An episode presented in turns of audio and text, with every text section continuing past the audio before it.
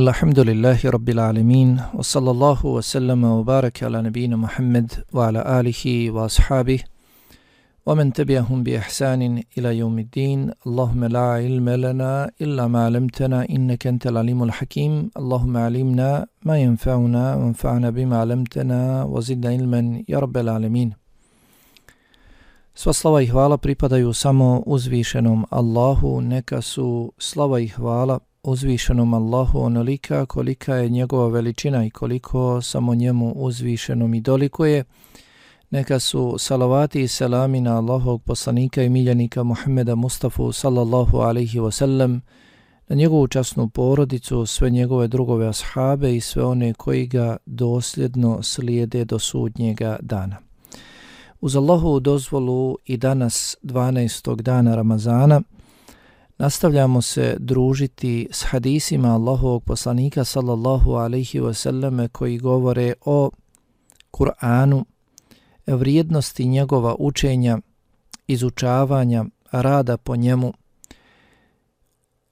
postupcima koje treba poduzeti svaki učač kada uči Allahu subhanahu wa ta'ala knjigu Kur'an i Kerim i slično. O svemu tome govorimo kroz hadise Allahovog poslanika sallallahu alaihi wasallam koje je istaknuti učenjak Ahmed ibn Abdurazak al-Anqari hafidhahullahu ta'ala spomenuo u svojoj zbirci 40 hadisa o Kur'anu. Dakle, danas 12. dana Mubarak mjeseca Ramazana imamo 12. hadis. Prošli 11. hadis s njim je autor hafidhahullahu ta'ala otpočeo govor o adabima i propisima prilikom učenja Kur'ana. Dakle, postupcima koje treba poduzeti ili osobinama kojima se treba odlikovati učač, učač Kur'ana. I također, dakle, neki propisi vezani za učenje Kur'ana. Pa jučerašnji hadis 11. hadis govorio je o posebnoj osobini naprotiv, dakle prvoj osobini koja se mora naći kod svakog učača Kur'ana ukoliko želi da ustraje u druženju sa Kur'anom Allahom subhanahu wa ta'ala knjigom, a to je sreća i zadovoljstvo što ga je uzvišeni Allah učinio od učača Kur'ana, od istinskih sljedbenika Kur'ana, oni, onih koji uče, izučavaju i rade po Kur'anu. Da bude sretan, da bude zadovoljan time. Zatim, budući da u ovom poglavlju se spominje deset hadisa, autor nakon ove prve najveće osobine odlike učača Kur'ana došao je sa hadisom u ovom 12. hadisu, dakle, došao je sa hadisom u kojem se govori o načinu učenja Kur'ana od strane Allahovog poslanika sallallahu alaihi wasallam. Svakako, učenje Kur'ana je jedan od najboljih ibadeta, najvećih ibadeta, Allahu subhanahu wa ta'ala najdražih ibadeta, jer iz njegova učenja, učenja Kur'ana proizilazi poslije sve. Ukoliko ga učimo, izučavamo, o njegovim značenjima razmišljamo, proučavamo njegove naredbe i zabrane, nakon toga po njima živimo, radimo, postupamo po Allahovim naredbama, ostavljamo se onoga što je uzvišeni Allah strogo zabranio i slično. Zato kao taj najveličanstveniji ili poseban ibadet, on se mora obavljati, i činiti kao i svi drugi ibadeti onako kako ih je činio vjerovjesnik alihi salatu wasalam. Zbog toga je autor, dakle, odmah kod govora o propisima učenja Kur'ana ili adabima, lijepim postupcima prilikom učenja Kur'ana došao sa hadisom koji govori o načinu učenja Kur'ana od strane Allahovog poslanika sallallahu alaihi wasallam. Pa da poslušamo hadis i njegov komentar i nešto od poruka ovog veličanstvenog hadisa. Kaže autor hafidahullahu ta'ala an Hudhejfete radijallahu anhu أن النبي صلى الله عليه وسلم صلى فكان إذا مر بآية رحمة سأل وإذا مر بآية عذاب استجار وإذا مر بآية فيها تنزيه لله sebbeha. Kaže, prenosi se od Huzeife radijallahu anha da je vjerovjesnik sallallahu alihi wasallame klanjao, bio u namazu, pa kada bi došao do ajeta u kojima se govori o milosti, tražio bi milost. A kada bi došao do ajeta u kojima se govori o kazni, tražio bi spas od nje. I kada bi došao do ajeta u kojima se govori da je Allah uzvišen od onoga kako ga drugi opisuju, vjerovjesnik alihi salatu wasalam bi veličao Allaha. Kaže Huzeyfe radijallahu ta'alan, vjerovjesnik sallallahu alihi wasallam bi klanjao, pa kada bi učeći došao do ajeta u kojima se govori o milosti, tražio bi milost. Kada bi došao do ajeta u kojima se govori o kazni, tražio bi spas od nje. I kada bi došao do ajeta u kojima se govori da je Allah uzvišen od svake manjkavosti, od onoga kako ga ljudi opisuju, veličao bi ga. Autor je također spomenuo i drugi citat od Huzeife radijallahu ta'alan koji kaže da je ennehu salla ila džembi nebiji sallallahu alihi wasallam lejleten faqara فكان إذا مر بآية عذاب وقف وتعوذ وإذا مر بآية رحمة وقف فدع kaže Huzeife da je jedne noći klanjao pored vjerovjesnika sallallahu alaihi wasallam i on je učio u namazu. Pa kada je došao do ajeta u kojima se spominje kazna, zastao je i tražio od Allaha spas od nje, od kazne. A kada je došao do ajeta u kojima se govori o milosti, zastao bi i dovio Allahu za milost. Prenoslac ovog hadisa je Huzeife ibn Lijeman radijallahu anhuma. I Huzeife i njegov otac Jeman bili su ashabi. Bili su ashabi, stoga se kaže radijallahu anhuma. Kada su primili islam, htjeli su odmah učestvovati u bici na bedru, međutim mnogobošci su ih spriječili u tome. Nakon čega su Huzeife i njegov otac Jeman učestvovali u bici na Uhudu. I Huzeifin otac Jeman preselio je u bici na Uhudu, poginuo. Huzeife radijallahu ta'ala je bio poseban ashab Allahovog poslanika sallallahu alaihi wasallam. Prenio je mnogo hadisa od njega. Mnogo se družio s vjerovjesnikom alaihi salatu wasalam, a ponajviše je prenio hadisa koji govore o smutnjama, o fitnama, koje će se desiti ovome ummetu Muhammeda alaihi salatu wasalam naročito u budućnosti pred sudnji dan.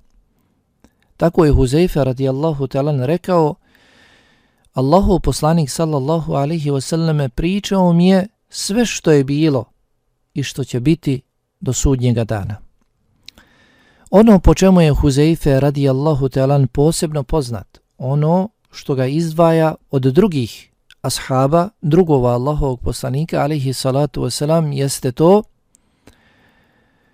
što ga je vjerovjesnik sallallahu alaihi wasallam po povratku iz bitke na, de, na Tebuku obavijestio o imenima licemira u Medini. Vjerovjesnik alihi salatu wasalam je obavijestio Huzeifu o licemjerima u Medini, njihovim imenima, ko, ko su oni? Stoga je Huzeife radijallahu ta'ala nosio nadimak vlasnik tajne. Vlasnik tajne. Licemjere poznavao je vjerovjesnik alihi salatu wasalam. Drugi ne. Nešto od njihovi osobina se moglo primijetiti, mogli su to primijetiti svi, međutim tačno tvrditi da je neko licemjer u potpunosti, odnosno da u svojim prsima krije nevjerstvo, to zna samo usvišeni Allah koji je svoga vjerovjesnika alihi salatu wasalam obavijestio o tome. Huzeife radijallahu ta'ala je učestvovao u bici oko Hendeka i zatim u svim bitkama nakon nje učestvovao je u bitkama za oslobođenje Iraka. Omer radijallahu talan postavio ga je za namjesnika Medaina u kojem je i ostao sve do svoje smrti 36. godine po Hidžri. Tada je umro, preselio na drugi bolji svijet, ovaj plemeniti ashab, Huzeife ibn Ljeman, radijallahu anhuma. On nam prenosi ovaj hadis o načinu učenja Kur'ana u namazu od strane Allahovog poslanika sallallahu alihi wasallam, a ovaj hadis, prvi citat, u kojem se spominje tri detalja prilikom učenja Kur'ana, spominje se kada bi vjerovjesnik alihi salatu sam došao do milosti, ajeta koji govore o milosti, tražio bi od Allaha subhanahu wa ta'ala milost, zatim kada bi došao do kazne, tražio bi spas od kazne i kada bi došao do ajeta koji govore o Allahovoj uzvišenosti od svake manjkavosti, tada bi veličao Allaha. Jalla Taj hadis zabilježio je Ibn Mađe u svome sunenu i također imam Ahmed u svome musnedu, Ibn Huzeime u svome sahihu, Abdurazak u svome musannefu i šeh Albani rahimehullahu ta'ala ocijenio je hadis vjerodostojnim. Šejh Albani rahimehullahu ta'ala ocijenio je ovaj hadis vjerodostojnim kao što je Šuaib el-Arnaut rahimehullahu ta'ala rekao za ovaj hadis da je njegov lanac prenosilaca vjerodostojan po uvjetima imama muslima. A drugi citat kojeg je autor spomenuo, gdje se spominje milost i kazna i traženje milosti i traženje spasa od kazne, e, njega je zabilježio Imam Nesai u svoja dva dijela, dakle u poznatom sunenu ili sunenu Sugra i također u drugom sunenu, sunenu al-kubra i također i za ovaj citat šejh Albani rahimehullahu ta'ala rekao je da je vjerodostojan. Dakle, Huzeyfe radijallahu ta'ala pripovijeda nam pa kaže da je klanjao s vjerovjesnikom alihi salatu wasalam jedne noći namaz i ovaj, dakle, ovi citati su detalji podužeg hadisa. Pa pripovijeda da vjerovjesnik alihi salatu wasalam je učio u namazu.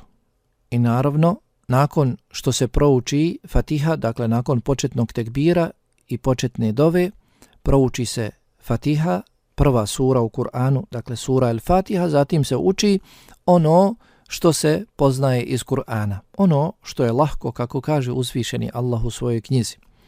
Pa je vjerovjesnik sallallahu alaihi wasallam kako stoji u drugim citatima Huzeife radijallahu talan, vjerovjesnik alaihi salatu wasallam je učio dugo, pa je tokom tog dugog učenja nailazio na ajete koji govore o Allahovoj milosti, na ajete koji govore o Allahovoj kazni i slično. Pa kaže Huzeifa radijallahu talan kada bi došao do ajeta koji govori o Allahu koji govori o Allahovoj milosti vjerovjesnik alihi salatu wasalam bi zastao. Prestao bi sa učenjem Kur'ana te bi uputio dovu uzvišenom Allahu da mu se smiluje, da mu ukaže svoju milost. Zatim, tokom učenja, kada bi naišao na ajet koji govori o kazni, o Allahovoj kazni, o kazivanju kako je uzvišeni Allah kaznio prethodne narode, kako će Allah kažnjavati na drugome svijetu, na sudnjem danu, nevjernike i slično, vjerovjesnik alihi salatu oslam bi zastao, ostavio bi učenje Kur'ana, zatim bi uputio uzvišenom Allahu dovu da ga sačuva kazne dunjalučke i ahiretske. I spominje Huzeife radijallahu talan da vjerovjesnik alihi salatu wasalam kada bi naišao na ajete koji govore o uzvišenom Allahu, o njegovoj uzvišenosti, o njegovoj savršenosti, o toga, o tome da je on daleko od svake manjkavosti, svakog nedostatka, tada bi vjerovjesnik alihi salatu wasalam veličao Allaha subhanahu wa ta'ala, odnosno izgovarao bi tesbih, kako kaže Huzeife radijallahu ta'ala sebbaha, odnosno govorio bi subhanallah, subhanallah, subhanallah, jer dakle riječi subhanallah imaju značenje, neka je Allah uzvišen od svake manjkavosti, neka je Allah daleko i neka je Allah čist od svake mahane, svake manjkavosti koju mu drugi pripisuju. Dakle, u ovom hadisu Huzeyfe radijallahu ta'ala nas obavještava o načinu učenja Kur'ana od strane Allahovog poslanika sallallahu alaihi wasallam. Pojašnjava kako bismo i mi trebali učiti Kur'an. Pa i mi, tokom učenja Kur'ana, dok učimo Kur'an, kada dođemo do ajeta koji govore o Allahoj milosti i mi bismo trebali i mi bismo trebali zaustaviti svoje učenje i moliti uzvišenog Allaha za milost, da nam se smiluje. Pogledajmo, dakle, na ovakav način vjerovjesnik alihi salatu wasalam je postupao gdje? U namazu. U namazu, dakle, prekinuo bi učenje Kur'ana, zastao bi sa završetkom tog ajta koji govori o milosti, zatim bi uputio uzvišenom Allahu dovu da mu se smiluje. On je to radio u namazu, također i mi, ukoliko bismo učili Kur'an duže u namazu i nailazili na ove ajte, tako trebamo postupiti. A naročito mimo namaza, a naročito mimo namaza, iako je svakako, imali smo hadis o tome, najbolje učiti Kur'an u namazu, pa čak ponavljati, obnavljati Kur'an u namazu je vrijednije nego, nego mimo, mimo, mimo namaza. Pa i mi kada učimo, dakle, Kur'an i dođemo do ajeta koji govore o Allahoj milosti da zaustavimo se i da zamolimo uzvišenog Allaha o za njegovu milost, da nam se smiluje. Kada dođemo do ajeta koji govore o Allahoj kazni, kada čitamo ajete koji govore o kažnjavanju nevjernika, kažnjavanju e, prethodnih naroda i slično, Allahoj subhanahu wa ta'ala ogromnoj velikoj kazni, da zastanemo, zaustavimo svoje učenje i da zamolimo Allaha subhanahu wa ta'ala da nas sačuva takve kazne, da nas zaštiti od kazne, da nas sačuva džahnema. I također kada a, dođemo do ajeta koji govore o Allahu subhanahu wa ta'ala, koji govore o njegovoj savršenosti, o njegovoj uzvišenosti, da slavimo i veličamo našega gospodara, da izgovaramo riječi subhanallah, subhanallah, subhanallah i slično. Dakle, Oba ova citata nam pojašnjavaju kako je vjerovjesnik alihi salatu oslam učio Kur'an i također nam pojašnjavaju da je vjerovjesnik sallallahu alaihi wasallam prije svega tokom učenja Kur'ana razmišljao o onome što prouči. Razmišljao o onome što prouči zašto je tražio milost, zašto je uputio dovu Allahu subhanahu wa ta'ala i tražio u toj dovi da mu se Allah smiluje. Zašto je poslije uputio dovu i tražio od Allaha subhanahu wa ta'ala da ga sačuva kazne? Zato što je razumijevao, razmišljao je o onome što uči, zatim je razumio jasno da Allah subhanahu wa ta'ala u tim ajtima govori o milosti, u drugim ajtima govori o kazni, u trećim ajtima govori o sebi. Tako isto i mi. Kako da mi znamo kada uputi Allahu dovu za milost, kada uputi Allahu dovu da nas sačuva kazne, kada veličati slaviti Allaha subhanahu wa ta'ala, ako ne razmišljamo. Ako ne razmišljamo, zato propisano je da se Kur'an uči polahko, da se Kur'an uči sa razmišljanjem. Nažalost, nama je to vrlo dobro poznato da većina, većina nas ne poznaje arapski jezik. Ne poznaje arapski jezik. Pa teško da može znati kada uči neki kuranski ajet da može poznavati njegovo značenje. Zato se preporučuje da bi čovjek bio skrušen u svome namazu, da bi razmišljao o onome što uči, preporučuju se ajeti sure koje se znaju na pamet, koje se znaju na pamet, čije se značenje poznaje. Dakle, bolje, korisnije u namazu učiti ajete, učiti sure, pa makar njih bilo i manje, manje tih ajeta ili sure bile kraće, ali, dakle, ajete i sure čija značenja poznajemo, kako bismo tokom učenja razmišljali o njima. To je vrijednije, bolje nego učiti ajete, sure, duže, čija značenja mi ne poznajemo jer je upravo uzvišeni Allah objavio u Kur'an da se on uči i da se o njemu razmišlja, kako bi taj Kur'an ostavio traga na nas.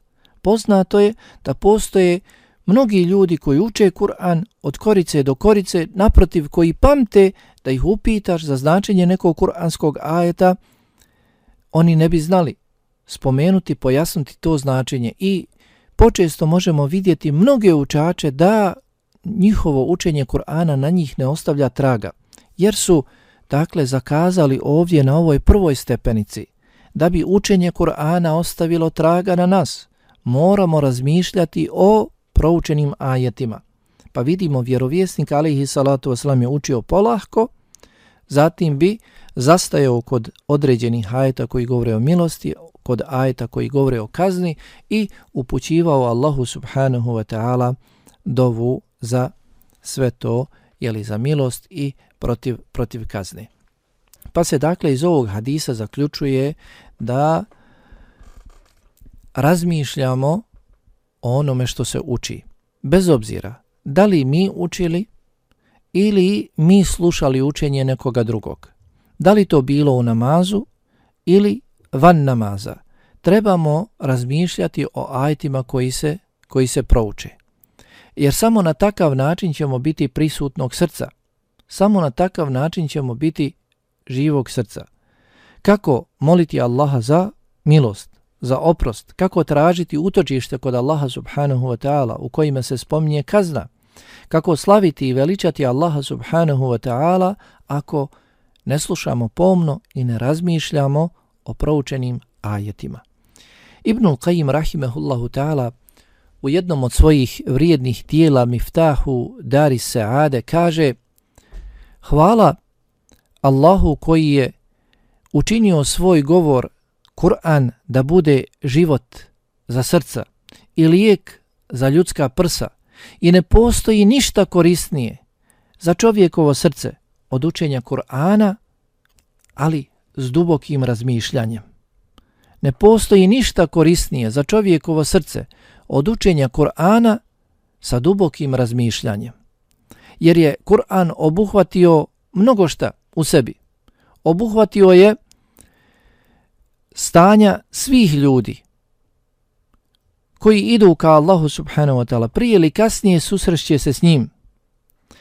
U Kur'anu govori o ljubavi, o strahu, o nadi, o pokajanju, o tevakulu, o sloncu na Allaha vala, o zadovoljstvu sa Allahom subhanahu wa ta'ala, o zahvalnosti Allahu, o strpljenju, opisuje sva stanja, stanja srca u kojima se nalazi srce.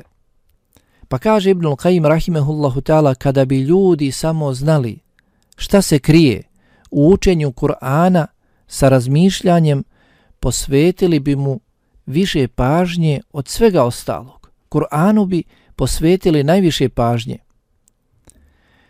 Do te mjere da bi ponavljali jedan ajet stotinu puta ili cijelu noć.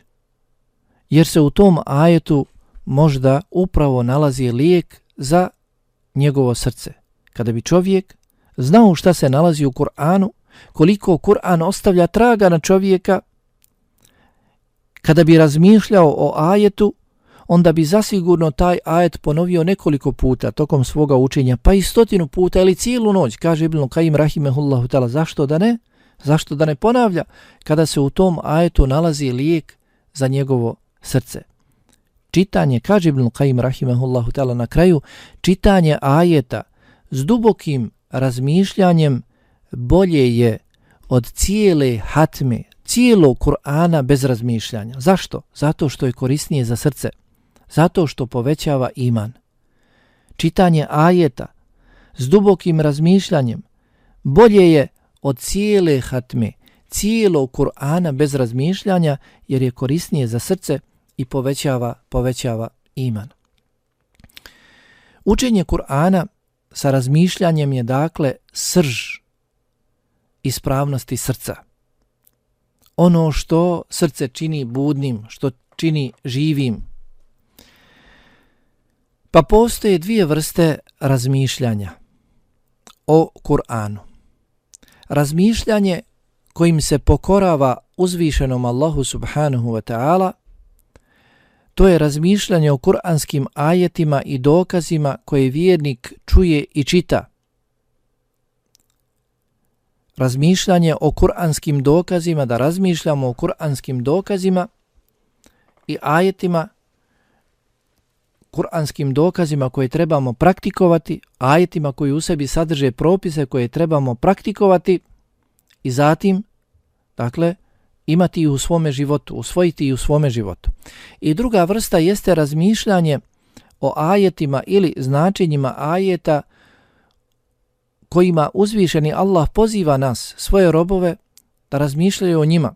Odnosno, u tim ajetima se nalaze jasni, očigledni dokazi Allahovog subhanahu wa ta'ala stvaranja, njegove potpunosti, njegove savršenosti. U tim ajtima nalazi se dokaz da je uzvišeni Allah jedan jedini istinski Bog, dostano obožavanja, niko drugi mimo njega. U tim ajtima spominju se Allahova velika stvorenja, putem njih također upoznajemo se sa veličinom, sa uzvišenosti našeg gospodara Allaha subhanahu wa ta'ala. Dakle, postoje dvije vrste ajeta i dvije vrste razmišljanja o njima. Ajeti koji u sebi sadrže propise konkretno koje trebamo praktikovati u svome životu i badeti su zasnovani na tim propisima, sastoji se od tih propisa, sastavni su dijeli, dijelovi i badeta, ti propisi, o njima moramo razmišljati, moramo spoznati, e, naučiti, dakle, e, pravo istinsko značenje tih ajeta kako bismo ih praktikovali. Dočim drugi ajeti govore o Allahove subhanahu wa ta'ala uzvišenosti, o Allahovoj jednoći, o njegovoj savršenosti, njegovoj svemoći. To je dakle ono što čovjekovo srce posebno čini živahnim i upravo dakle ovo razmišljanje ili ova druga vrsta razmišljanja o ajetima jeste ono što čovjeka tjera na praktikovanje Allaha subhanahu wa ta'ala vjere. Kada čovjekovo srce zamre, kada čovjek zaboravi na Allaha subhanahu wa ta'ala, kada zaboravi da Allah sve čuje, da Allah sve zna, da Allah sve vidi, zaboravi na savršenost, uzvišenost Allaha subhanahu wa ta'ala, onda jedan po jedan propis jeli, ostavlja u svome životu. Zato prelijepo je rekao Hasan al-Basri rahimahullahu ta'ala, Kur'an je objavljen da bi se radilo po njemu, pa čitajte ga da biste radili po njemu. Kur'an je objavljen da bi se radilo po njemu. Pa ga čitajmo, čitajmo Kur'an da bismo radili po njemu. Ne da bismo se hvalili kako smo proučili u ovom blagoslovnom mjesecu Ramazanu toliko i toliko hatmi, nego čitajmo Kur'an, razmišljajmo o Kur'anu, zastajmo kod njegovih propisa, zastajmo kod ajeta koji govore o milosti, kod ajeta koji govore o azabu, kazni, zastajmo kod ajeta koji govore o propisima, pitajmo ako nam neki propis nije jasan, pitajmo učenog, nazovimo učenog da nam pojasni značenje tog ajeta, propisa koji se spomnje u tom ajetu i slično. Da bismo mogli razmišljati o Kur'anu, da bismo mogli razmišljati o proučenim ajetima, svakako neophodno je polahko da se uči Kur'an. Da bismo mogli razmišljati o onome što se uči, moramo polahko učiti Kur'an i moramo svakako ispravno učiti Kur'an.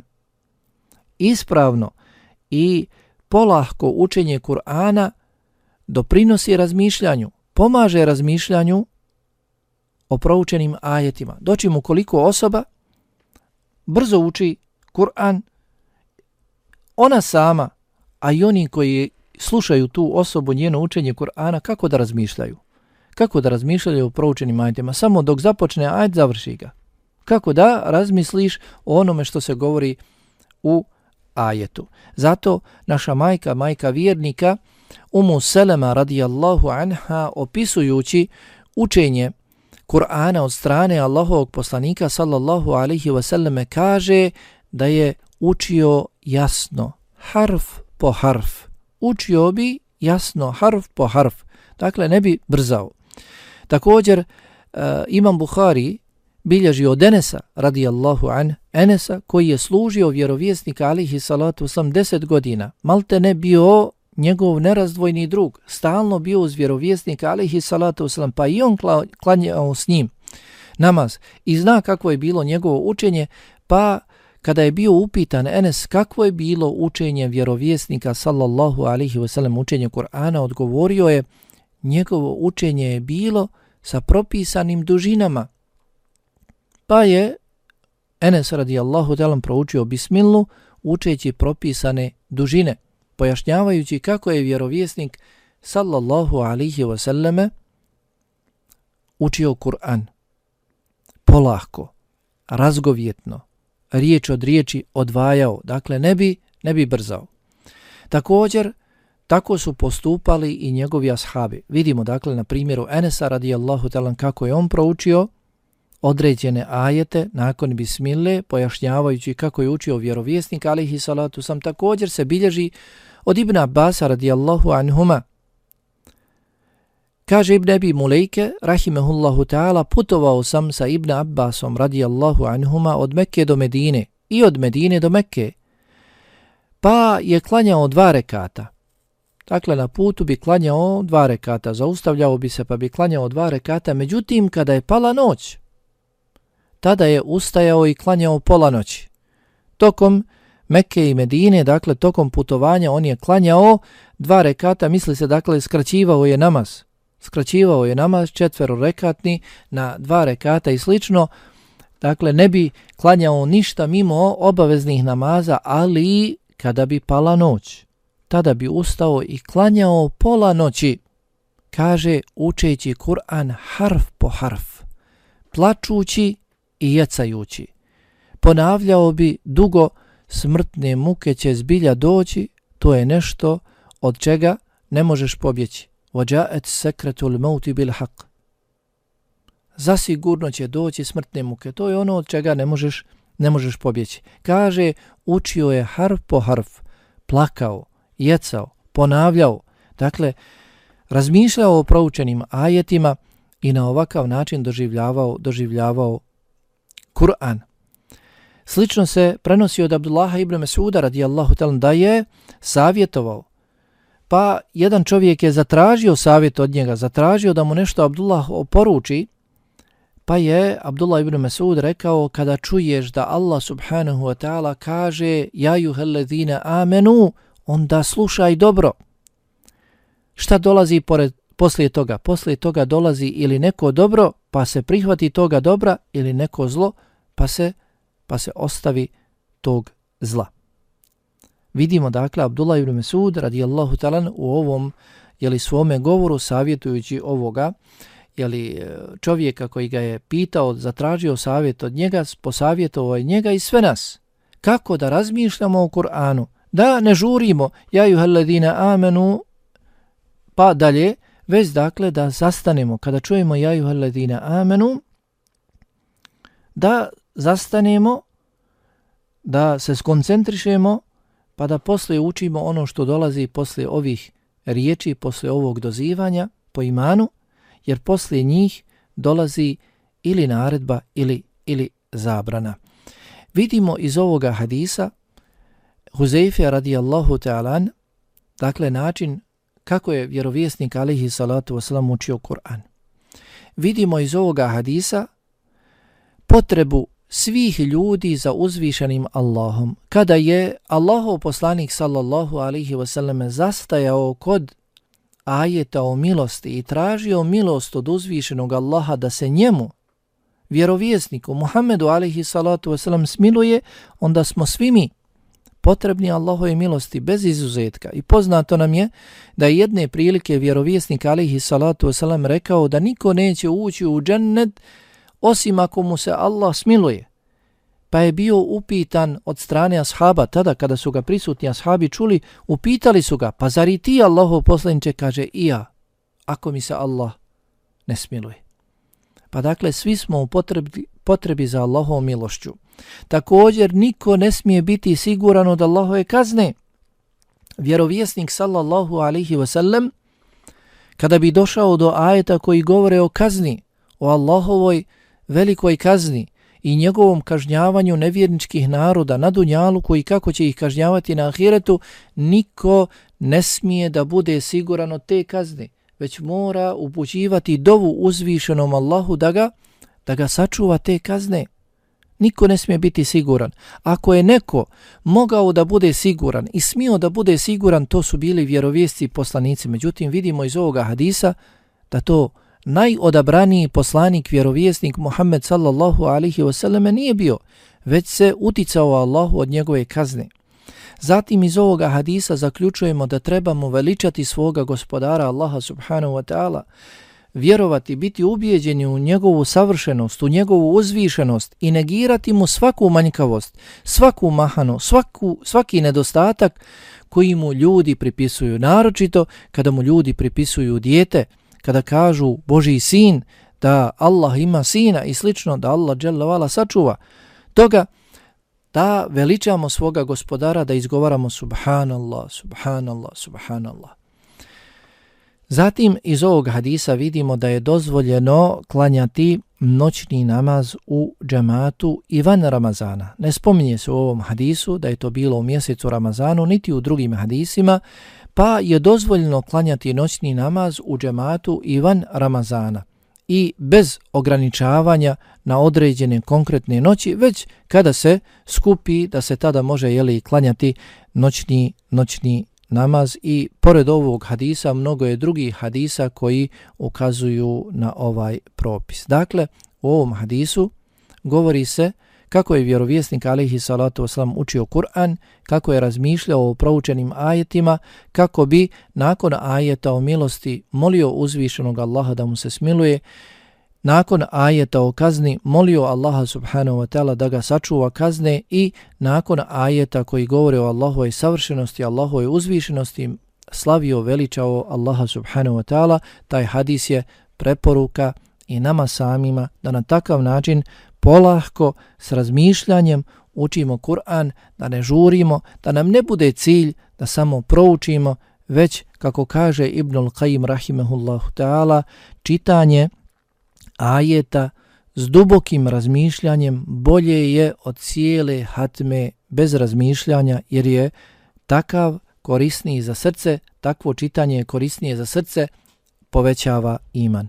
Molim Allaha subhanahu wa ta'ala da nas učini od iskrenih vjernika u njega uzvišenog i da nas učini istinskim sljedbenicima njegova poslanika Muhammeda sallallahu alaihi wasallam, da ga slijedimo u svemu, pa i u učenju Allahove subhanahu wa ta'ala knjige Kur'an i Kerimu, da učimo Kur'an s razmišljanjem kako bi taj Kur'an ostavio što više traga na nas. Walhamdulillahi rabbil alemin.